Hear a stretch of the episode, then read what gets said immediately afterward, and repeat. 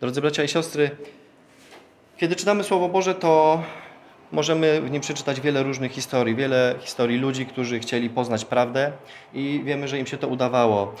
Słowo Boże pokazuje nam historię ludzi, którzy chcieli spotkać się z Panem Jezusem. Y, o tym możemy przeczytać w Ewangeliach. Y, całkiem niedawno mówiliśmy sobie, kilka tygodni temu mówiliśmy sobie tutaj o człowieku y, trendowatym.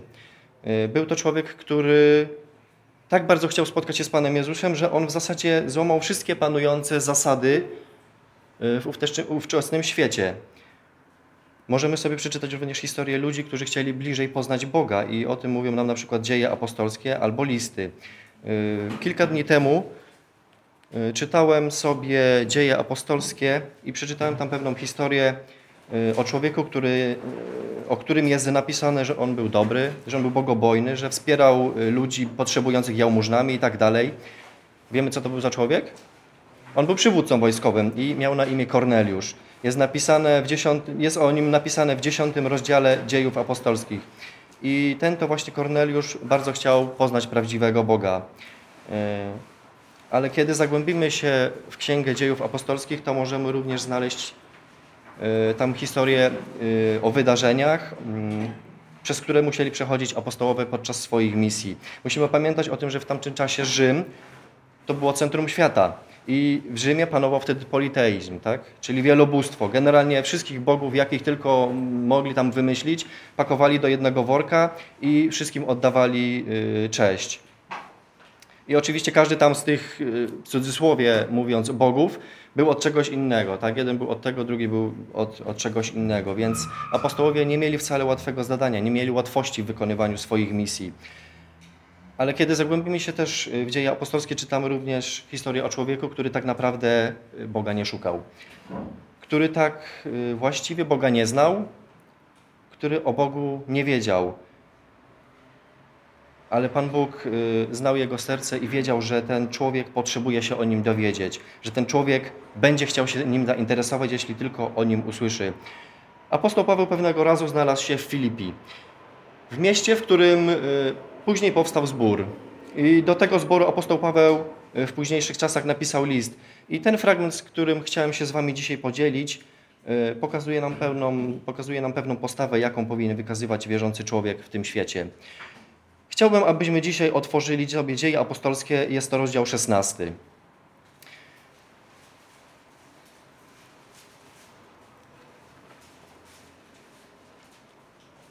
Apostoł Paweł, kiedy znalazł się w Filipi i kiedy tam zwiastował Ewangelię, to możemy przeczytać, że chodziła za nim pewna dziewczyna. Chodziła za Pawłem, chodziła za Sylasem, chodziła za wszystkimi, którzy byli razem z nimi i wołała: Ci ludzie są sługami Boga Najwyższego i zwiastują wam dobrą, y, do, dobrą drogę, drogę zbawienia. Możemy przeczytać, że ona czyniła to przez wiele dni i wreszcie apostoł Paweł już był tym wszystkim tak wymęczony, że po prostu nie wytrzymał i powiedział do tego ducha wieszczego, który siedział w tej kobiecie, aby z niej wyszedł. Wiecie, to musiał być bardzo ciekawy duch. Y, to na pewno nie było tak jak dzisiaj, jak spotykamy jakieś wróżki, to one niby przepowiadają nam przyszłość i jeśli to się sprawdzi, to fajnie, ale jeśli się to nie sprawdzi, to też się nic nie stanie. Tutaj czytamy, że ta kobieta, ta dziewczyna miała ducha wieszczego i ona potrafiła przepowiadać przyszłość.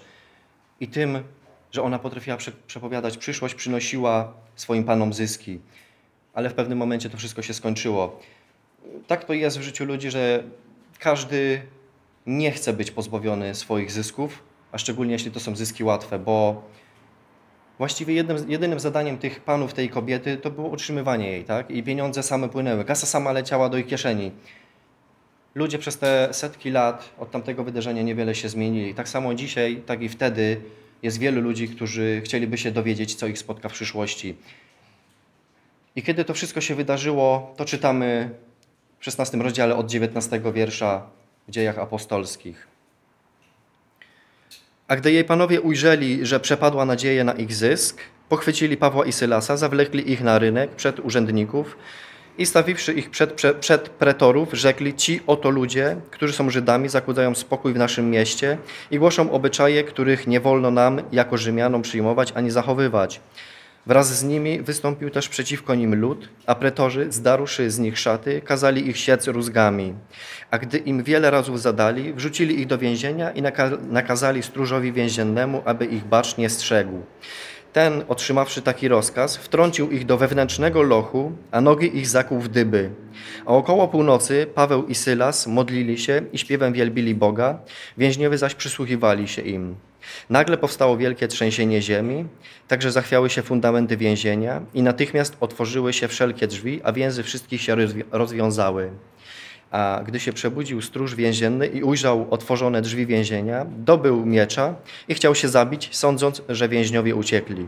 Lecz Paweł odezwał się donośnym głosem, mówiąc: Nie czyń sobie nic złego, jesteśmy tutaj wszyscy. Zażądał tedy światła, wbiegł do środka i drżąc cały przypadł do nóg Pawła i Sylasa. I wyprowadziwszy ich na zewnątrz, rzekł: Panowie, co mam czynić, abym był zbawiony? A oni rzekli: Uwierz w Pana Jezusa, a będziesz zbawiony ty i twój dom i głosili słowo Pańskie jemu i wszystkim, którzy byli w jego domu. Tejże godziny w nocy zabrał ich ze sobą, obmył ich rany i, i zaraz został oszczony on i wszyscy jego domownicy i, i wprowadził ich do swojego domu, zastawił stół i weselił się wraz z całym swoim domem, że uwierzył w Boga. Może dotąd. Na pierwszy rzut oka widzimy tutaj bardzo tragiczną historię, która przydarza się Pawłowi i Selasowi. Tak? No, Paweł i Selas to byli dobrzy ludzie, y, niczego złego nie uczynili, wręcz przeciwnie, chodzili, y, opowiadali ludziom, w jaki sposób mogą dostąpić zbawienia, opowiadali ludziom o Panu Jezusie Chrystusie, o tym, że On umarł za ich grzechy i o tym, że wierząc w Niego mogą uzyskać zbawienie. I stało się później to, co przeczytaliśmy, kiedy apostoł Paweł E, wykorzystał swoją moc, którą posiadał i kiedy wypędził tego ducha, który był w dziewczynie, e, apostoł Paweł po prostu ją uwolnił. On ją uwolnił od tego, oczyścił ją, bo ona była opętana. I to opętanie właśnie objawiało się tym, że ona potrafiła przepowiadać to, co się będzie działo. I co zauważamy? Zauważamy, że ludzie nie są zadowoleni, kiedy coś w ich środowisku się zmienia. Od razu w tym miejscu przypomina mi się inna historia, która jest opisana w Ewangeliach. Podejrzewam, że wszyscy doskonale, doskonale ją znamy, kiedy to Pan Jezus przyszedł i wypełni, wypędził legion demonów z człowieka opętanego. Y, wiemy, że to się działo w y, krainie Gerazańczyków. Gdy już Pan Jezus miał wypędzić te demony, to one jeszcze miały do Niego jedną prośbę. Jak już nas wypędzasz, to poślij nas w to stado świń, świń, które tam jest nieopodal. I Pan Jezus co mówi? Dobra, to idźcie. I te świnie czytamy, że się utopiły. Było ich bardzo dużo, było ich około dwóch tysięcy. Ale człowiek, który został oczyszczony z tych demonów, usiadł u stóp Pana Jezusa i chciał słuchać Jego słowa. Chciał słuchać tego, co On ma do powiedzenia. Chciał iść za Nim. Y, ale ludziom to się nie bardzo spodobało. Oni woleli mieć opętanego, oni woleli mieć y, człowieka, który tam chodził po grobach, który krył się w jaskiniach. Y, nie szło go związać łańcuchami, tłukł się kamieniami. Ludzie bali się przechodzić w tamtej okolicy, gdzie ten człowiek sobie urzędował, ale oni woleli tak, jak było. Oni woleli bardziej niż to, żeby ten człowiek był oczyszczony, oni woleli, żeby te świnie się nie potopiły. I ludzie nie lubią czegoś takiego, i ludzie nie polubili też za bardzo tego. I zamiast się ucieszyć z tego, o, Człowiek jest uzdrowiony, człowiek został uratowany, została oczyszczona ta kobieta z ducha nieczystego, który nią rządził. To co zrobili? Oni zabrali Pawła i Sylasa, postawili ich przed sądem, przed urzędnikami, a tamci niewiele myśląc. Yy, jeszcze jedna sprawa. Jakie było oskarżenie Pawła i Sylasa? Według mnie oskarżenie było co najmniej dziwne. Czytamy, głosząc obyczaje, których nie wolno nam jako Rzymianom przyjmować ani zachowywać, a jeszcze yy, wiersz wcześniej, ci ludzie są Żydami i zakłócają y, spokój w naszym mieście. Wiecie, wydaje mi się, że jeżeli ktoś już zakłócał spokój w tym ich mieście, to była ta dziewczyna, która za nimi chodziła i która y, krzyczała i wrzeszczała na całe gardło. Czytamy kilka wierszy wcześniej, że ona właśnie tak robiła, że ona chodziła za Pawłem, chodziła za Sylasem i za wszystkimi i wykrzykiwała, oto są cudzy Boga żywego i tak dalej. Możemy przeczytać sobie. I teraz, kiedy oni stanęli przed sądem, Y, podejrzewam, że nawet nie dopuszczono ich do słowa. Nie pozwolono, nie pozwolono im się nawet obronić. Pod wpływem tłumu, y, tak możemy przeczytać, jest tak napisane, że tłum również się do tego przyłączył. A dlaczego tłum się też do tego przyłączył? musimy sobie zwrócić uwagę na to, że w tamtych czasach ludzie nie mieli telewizorów, ludzie nie mieli komputerów. Jeżeli chcieli y, się trochę rozerwać, to musieli iść albo do teatru, albo musieli iść y, do cyrku, albo w takie, jakieś inne takie miejsca, ale imprezy w takich miejscach nie odbywały się zbyt często i dobrą rozrywką również było, jeśli jakiś więzień albo skazany, którego gdzieś oprawiano na rynku w mieście, yy, mogli sobie to przyjść i mogli sobie to pooglądać, bo ich to właśnie interesowało. Co oni tam ciekawego dzisiaj będą temu człowiekowi robić? W jaki sposób go będą torturować? Takie były czasy, no nie, tego nie zmienimy, tak było. Dzisiaj ludzie nie muszą już nigdzie wychodzić na rynki swoich miast, nie muszą szukać takich imprez, bo po prostu włączają sobie telewizor czy tam komputer i, i mogą równie dobrze oglądać jakieś filmy. Natomiast y, ci ludzie nie dopuścili Pawła i Sylasa nawet do słowa, nie pozwolili im się wytłumaczyć, dlaczego tam są, po co tam są, co i jak i, i w ogóle. Tylko pretorzy zaraz zdarli z nich szaty i kazali ich siec rózgami. Podejrzewam, że to nie było przyjemne. Podejrzewam też, że każdy z nas kiedyś, jak był jeszcze dzieckiem, to dostał nieraz lanie, czy tam od mamy, czy od taty za złe zachowanie albo coś takiego. Gdyby byli to Żydzi, no to dostaliby tylko 40 razy, tak? Może 39, bo y, właściwie było takie przykazanie, żeby być 40 razy bez jednego, bo przekroczenie 40 to, to już była hańba dla tego człowieka, który był bity. Dlatego y, bili 40 bez jednego, żeby przypadkiem jak się pomyli w czasie wymierzania kary, żeby, żeby nie przekroczyć 40 i żeby nie przynieść hańby temu człowiekowi. Rzymianie nie mieli takiej zasady. Y, zdarzało się, że Rzymianie bili człowieka na śmierć. I właśnie Paweł i Sylas dostali tutaj takie lanie. Nie wiemy dokładnie, ile dostali, nie, nie czytamy o tym w tej historii, ale na pewno nie było to nic miłego. I nie dość, że ich zbili, to czytamy, że gdy im wiele razów zadali, to wrzucili ich do więzienia. I stróżowi więziennemu nakazali, aby ba, ba, bacznie ich strzegł. Stróż więzienia w tamtych czasach to również nie był taki człowiek jak y, powiedzmy sobie dyrektor dzisiejszego więzienia. To nie był człowiek, który siedział sobie gdzieś tam w biurze pod krawatem i zarządzał tego tam do tamtej celi i tego gdzieś tam jeszcze indziej.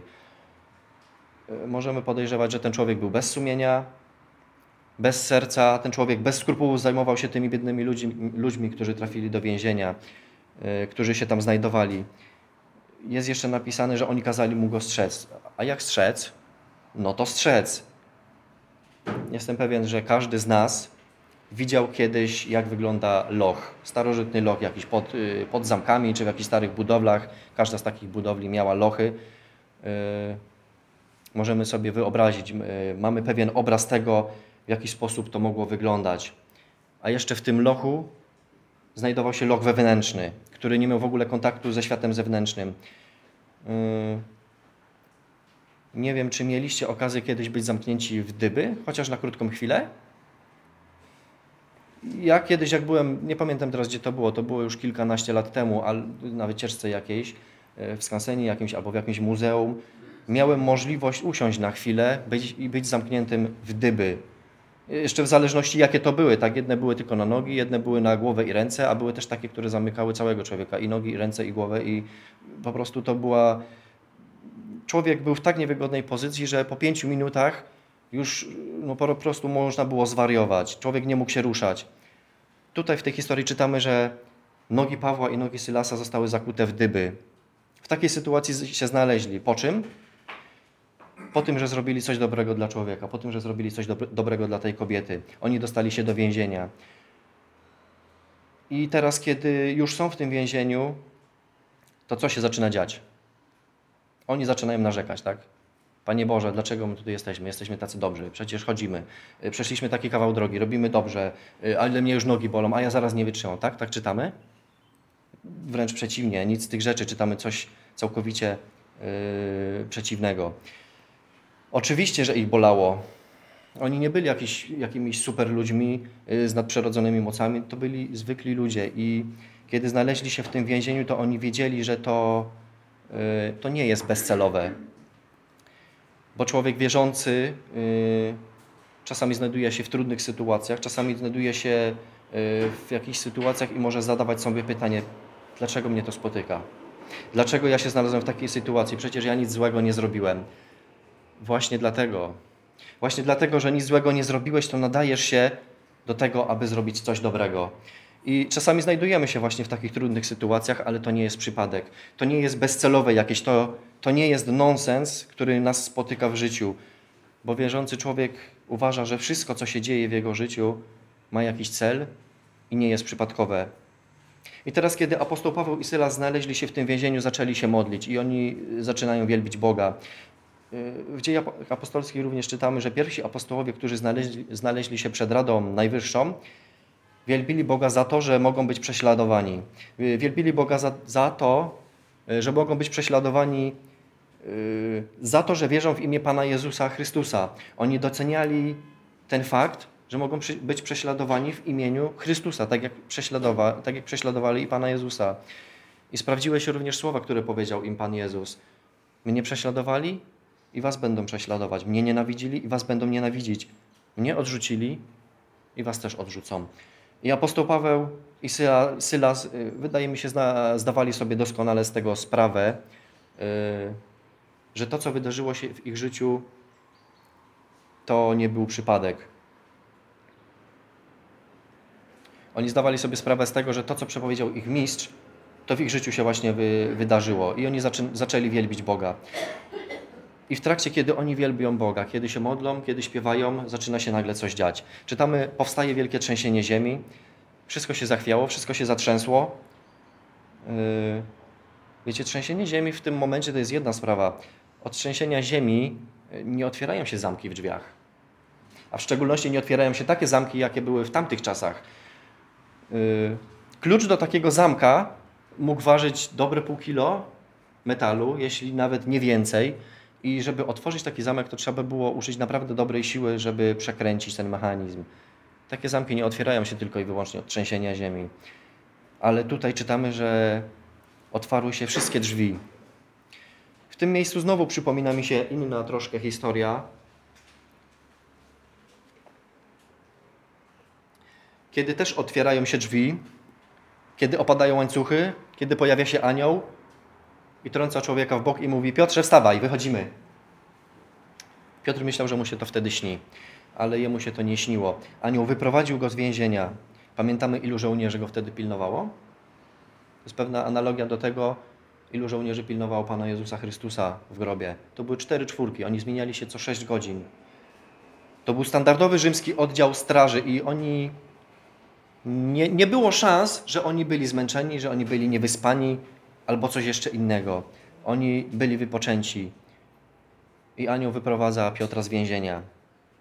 W tej naszej historii, którą przeczytaliśmy, dzieje się rzecz podobna. Fundamenty się zachwiały, otwierają się wszystkie drzwi i jeszcze dodatkowo więzy wszystkich się rozwiązały.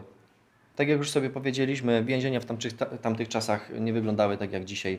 Ja sobie z ciekawości w dniu wczorajszym, kiedy się przygotowywałem, wpisałem sobie w internecie, jak wyglądają cele w różnych więzieniach różnych krajów na świecie i muszę Wam powiedzieć, że to, co zobaczyłem, to mnie troszkę przeraziło, bo niemal połowa z tych zdjęć, które widziałem, to jest, y, no prawie można powiedzieć, lepszej klasy hotel.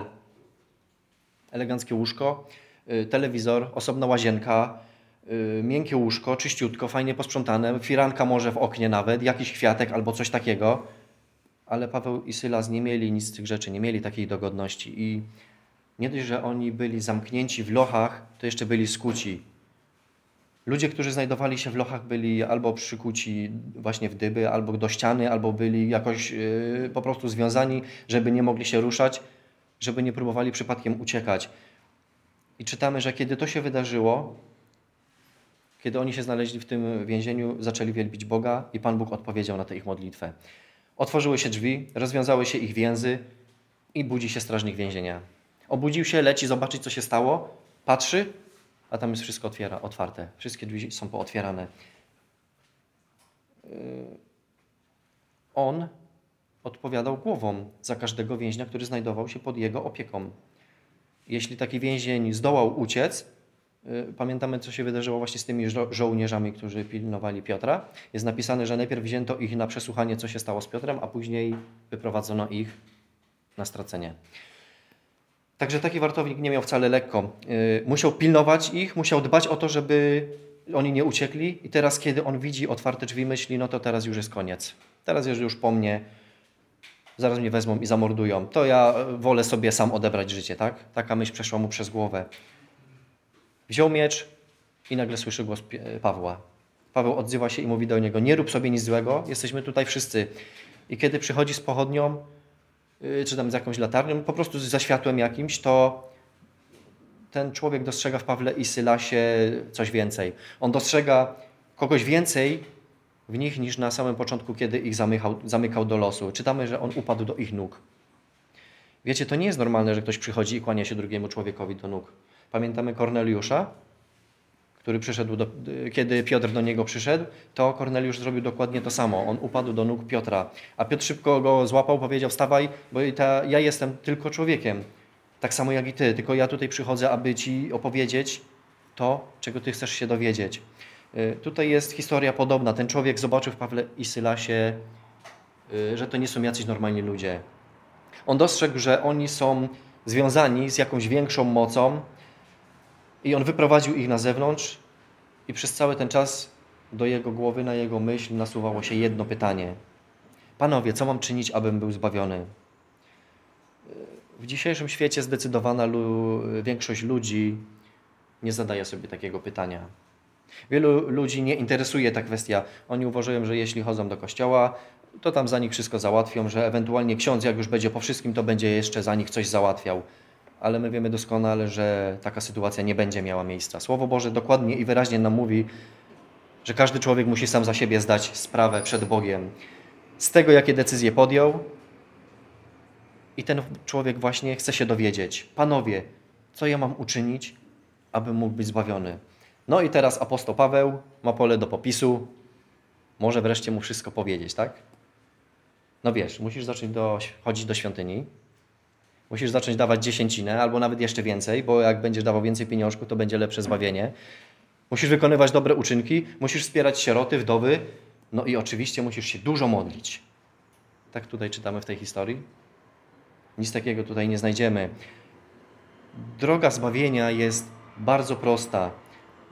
W Biblii możemy przeczytać, że droga zbawienia jest tak prosta, że i głupi na niej nie zbłądzi ale ludzie potrafią najprostsze rzeczy skomplikować. Kiedyś, jak jeszcze mieszkałem z rodzicami na Śląsku, to było kilka lat temu, e, to do nas na zgromadzenia przychodził taki brat Wojtek i on kiedyś użył takiego bardzo fajnego stwierdzenia, które mi zapadło w pamięć, że ludzie mają w głowie taki komplikator.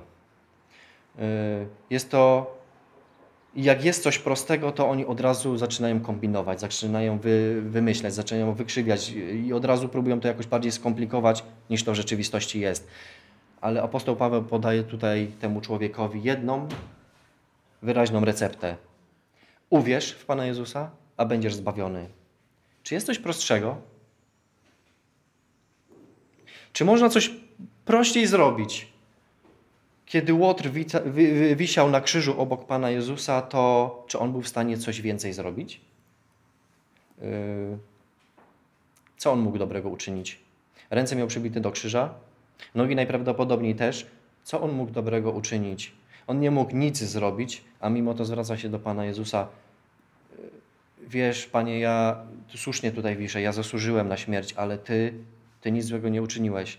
I ja bym chciał być kiedyś z Tobą. On tak mówi, w przyszłości kiedyś, wiesz Panie, jak, jakbyś, jakby Ci się kiedyś wspomniało, wspomnij na mnie, jak już będziesz tam u siebie w królestwie, jak już będziesz u siebie w raju. On nie poprosił o wiele. Y, to nie było tak, jak przyszli synowie Zebedeusza i oni chcieli być jeden po prawicy, drugi po lewicy, tak? I oni by sobie tam wtedy razem urzędowali. On, on prosił o niewiele. On chciał, żeby Pan Jezus po prostu o nim pamiętał, jak już będzie w swoim królestwie, jak już będzie w raju, żeby on mógł też się gdzieś tam znaleźć. Być może w kąciku, być może gdzieś na szarym końcu, ale on by tam był. I to było jego marzenie na krzyżu.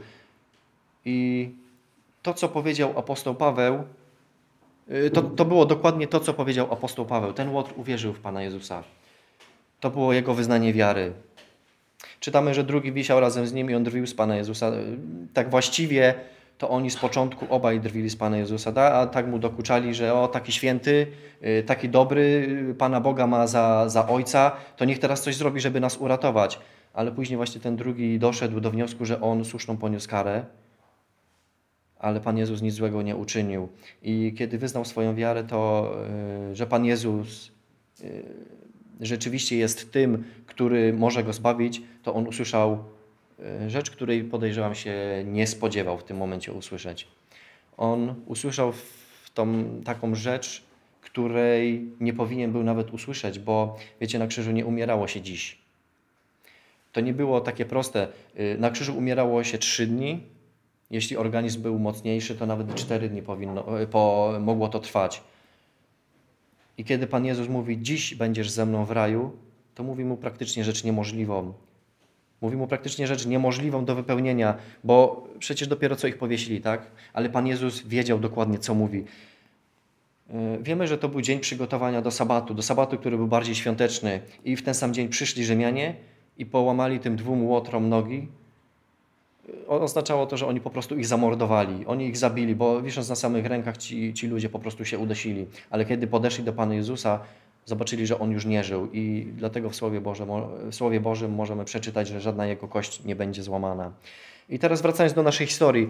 To, co usłyszał ten człowiek, ten stróż więzienia, to była bardzo prosta sprawa. Uwierz w Pana Jezusa, a będziesz zbawiony tak jak powiedziałem, ludzie komplikują te sprawy. Ludzie szukają innych dróg, ludzie, ludzie szukają jakichś y, uczynków, które mogliby spełniać, jakichś wymogów, które mogliby spełniać, żeby tylko być zbawionym. Ale jest tylko jeden warunek zbawienia. Albowiem tak Bóg umiłował świat, że Syna swego jednorodzonego dał, aby każdy, kto w Niego wierzy, nie zginął, ale miał żywot wieczny. W zeszłym tygodniu mogliśmy usłyszeć wspaniałe kazanie na ten temat, na temat tego wiersza, Y, na temat wiersza, który podejrzewam doskonale znamy na pamięć, dlatego też nie będę za wiele mówił na ten temat, ale to jest właśnie ta zasada. Każdy, kto w Niego uwierzy, każdy, kto zwróci na Niego swój wzrok, tak samo jak Żydzi y, musieli popatrzeć na węża y, zawieszonego wysoko, tak i w tym przypadku, jeśli, jeśli zwrócimy wzrok, wzrok na Pana Jezusa, gdy, na niego, gdy w Niego uwierzymy, gdy popatrzymy na Niego. I teraz odpowiedź Sylasa i Pawła jest taka: Uwierz Pana Jezusa, a będziesz zbawiony. I głosili słowo Pańskie Jemu i wszystkim, którzy byli w Jego domu. Tejże godziny w nocy zebra, zebrał ich ze sobą, obmył ich rany i zaraz został ochrzczony, on i wszyscy jego domownicy. Czyli oni uwierzyli w to. Oni uwierzyli w to, co powiedział im apostoł Paweł. Uwierzyli w to, że wiara w Pana Jezusa może ich zbawić. Oni dowiedzieli się o Panu Jezusie y, wszystkiego tego, co apostoł Paweł im opowiedział i zostali zbawieni. No i oczywiście ten człowiek przyjął i później do swojego domu, cieszył się, że wierzy w Boga. Y, ta historia, można powiedzieć, y, koniec końców jest zakończona happy endem, tak? ma szczęśliwe zakończenie. Czytamy, że pachołkowie przyszli, powiedzieli temu stróżowi, weź ich tam już wyrzuć z tego miasta, wypuść ich. A apostoł Paweł co teraz mówi? Tak. Teraz chcecie nas się pozbyć? Nie, ponieważ my jesteśmy obywatelami rzymskimi. Apostoł Paweł miał obywatelstwo rzymskie. Y, wynika z tego również, że Sylas, y, Sylas również. Apostoł Paweł urodził się w Tarsie. Tars to było rzymskie miasto i on urodził się jako Rzymianin. I mówi, my jako obywatele rzymscy, bez sądu, zostaliśmy znieważeni na rynku przed tłumem, zbici, wsadzeni bez wyroku do więzienia, co groziło pretorom za coś takiego? Groziło im dokładnie to samo, co uczynili Pawłowi i Sylasowi, albo nawet i jeszcze coś gorszego.